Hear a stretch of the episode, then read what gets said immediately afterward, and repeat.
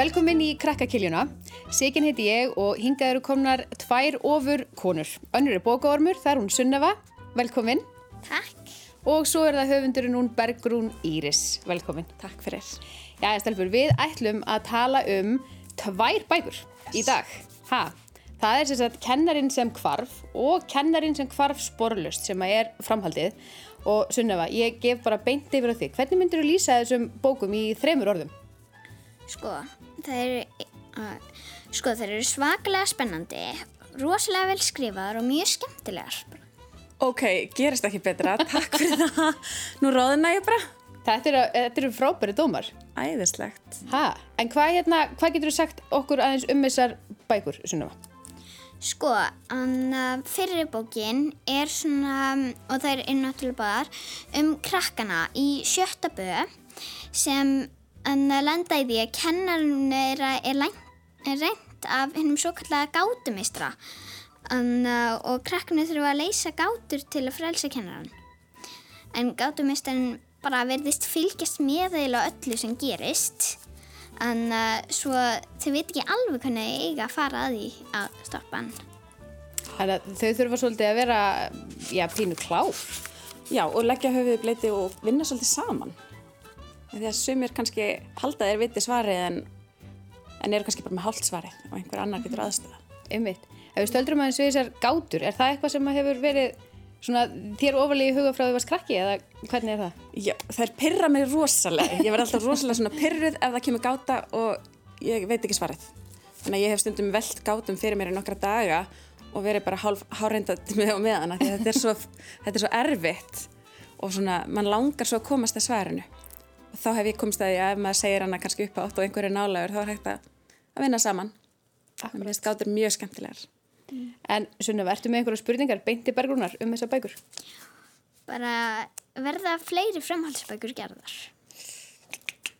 Það, sko, kennarinn sem hvarf átti bara að standa stök, það átti ekki að koma neina önnur og svo fekk ég mjög margar áskoranir um að gera framhald þannig að mér fannst eðlilegt einhvern veginn að að skrifa þá sögu út frá sjónarhóttni annarar personu, annarar stelpu í Já. bekknum og nú eru þau sex í þessum hóp þannig að það væri hægt að halda áfram. Hver finnst þér ætti að segja næstu sögu? Veit ekki. Er einhver sem þú myndi vilja vita meira um? Mm, kannski bara veit ekki alveg. Það er náttúrulega ekkit rosalega mikið gefið upp. Nei, sumir vilja vita meira um fannar Já. strákurinn sem er, hann er landið smá einaldi, þeir eru svolítið, Já. leðilega við hann. Það er spurning hvort að hann geti kannski sagt næstu sögu ef ég held áfram. Ég er allavega með nokkra pælingar, þannig að við skulum sjá hvað gerist. Hvort finnst ég skemmtilega skrifa eða teikna? Mér finnst auðveldara að teikna og erfiðar að skrifa en samt erfiðar á skemmtilegan hátt. Þannig að mér finnst rosalega gaman þegar ég kemst að því að þetta gengur.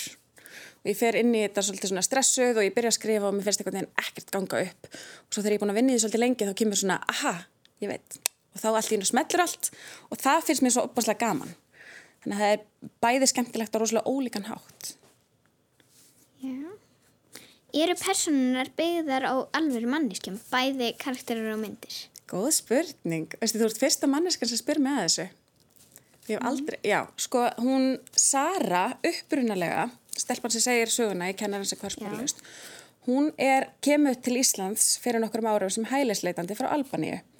Uh, ég var að vinna með hælisleitandum í Rauðakrossinum og mér fannst svolítið þurfa kannski einhverja uh, byrtingamind og fleiri krakka sem að segja þannig sögur. Um, eftir ég var búin að skrifa það bók og hún var alveg svona þokkalega full mótuð sem persóna, þá kynnist ég stelpur sem heitir Klea og ásvipaða sögu. Og ég fekk að setjast niður með henni til þess að gera persónuna mína svolítið svona raunverulegri og fá meiri bakgrunnssögu. Þannig að Klea ásvöldi mikið í Söru eða Sara í Klea þær eru svona sýstur Já. En hvað last þú þegar þú varst lítil? allt. Hver einustu bók í hillunni hjá mömmu og pappa og það var rugg vegna þess að ég var farin að lesa alls konar fræðibækur sem að mér fannst hundleðilegar en ég var bara eins og ég væri svona einhvern veginn svöngi orð og ég þurfti texta til þess að verða sött skrítið.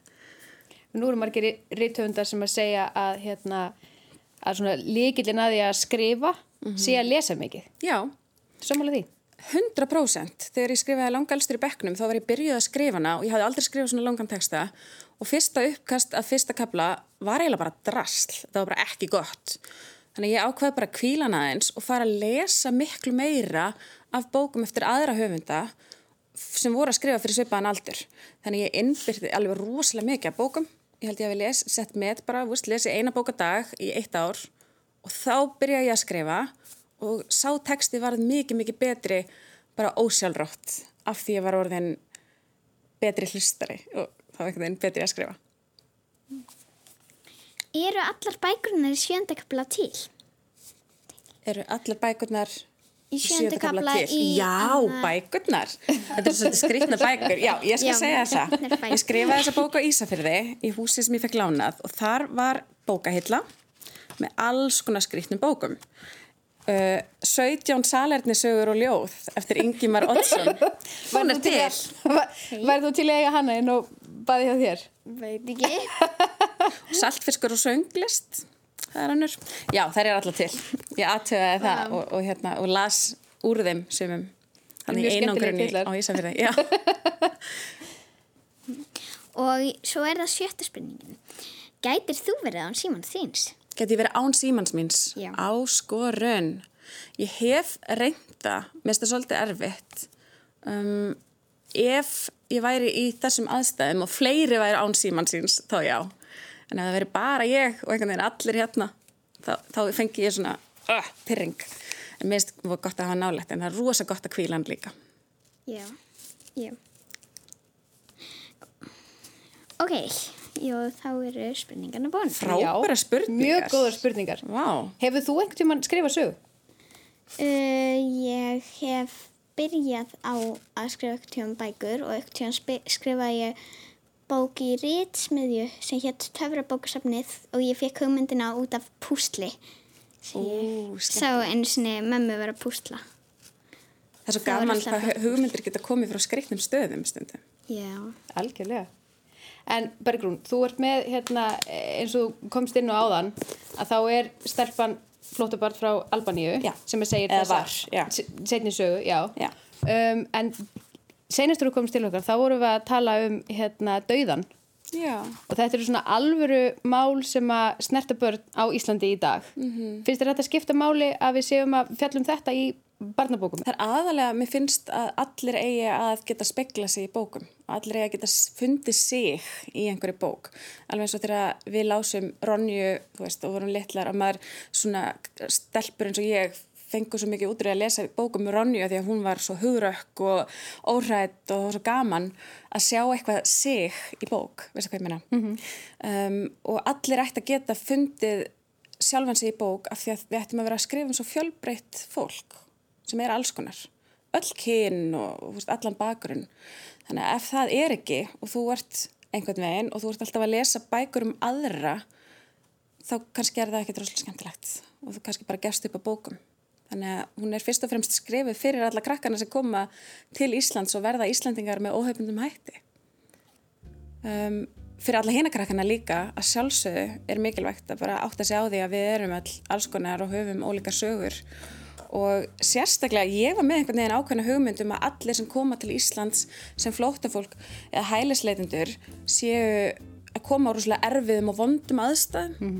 En það er ekkert endilega þannig veist, eins og þessi fjölskylda og, og Sara, sagan hennar er bara þannig að hún átti æðislega fallegt einbýlishús, fjölskyldan hennar frábærum garði og það var gott veður alltaf. Og ammennar og afi byggur bara nálegt og allt það. Uh, en vegna veikinda hjá bróðurinnar þá verður hún að koma til Íslands af því að hér að hafa þau aðgang að lifi sem hann þarf. Þannig að þau eru ekki að koma úr einhverjum hræðilegum aðstæðum og ömurlegri fátækt bara alls ekki Þannig að hún saknar Albaníu, hún saknar matarins. Það er miklu meira úrval af góðum ávöxtum og það er betra veður og svona. Þannig að Ísland er ekkert andilega best í heimi en það getur verið betra fyrir badnið á einhverju, einhverju sviði. Sko.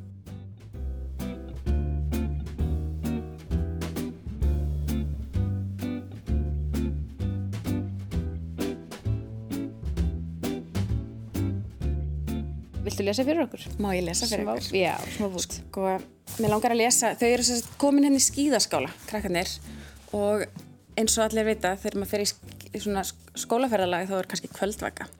En ég ætla að lesa smá úr kvöldvökunni Eftir matinn sækjum við sveppókana og hrúum okkur á gólfið í salnum.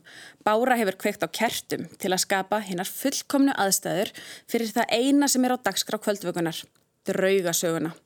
Jósef hefur komið sér fyrir með vasaljós undir andlitinu og byrjar að segja okkur söguna af djáknanum á Myrká.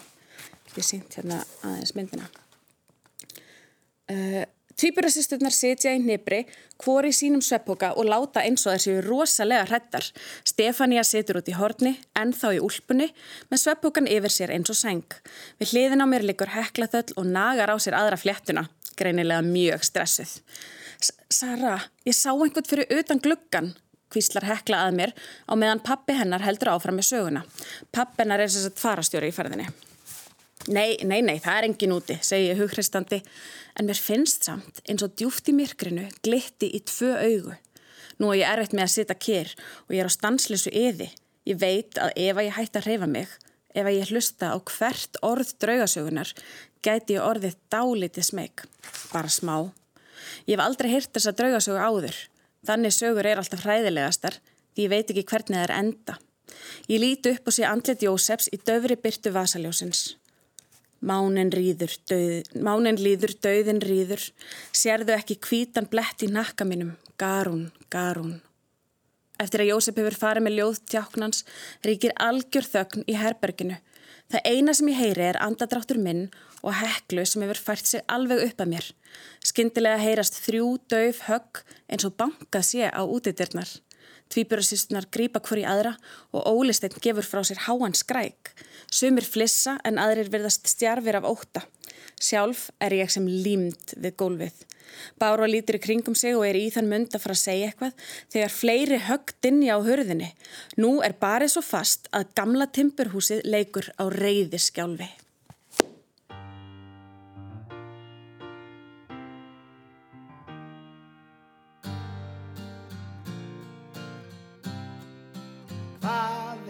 maðurinn?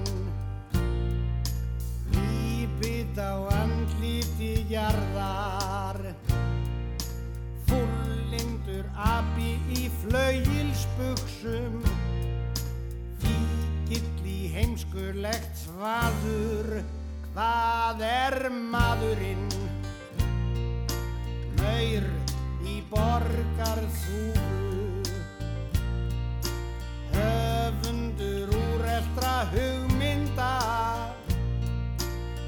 Hringjari í tómleikans kirkju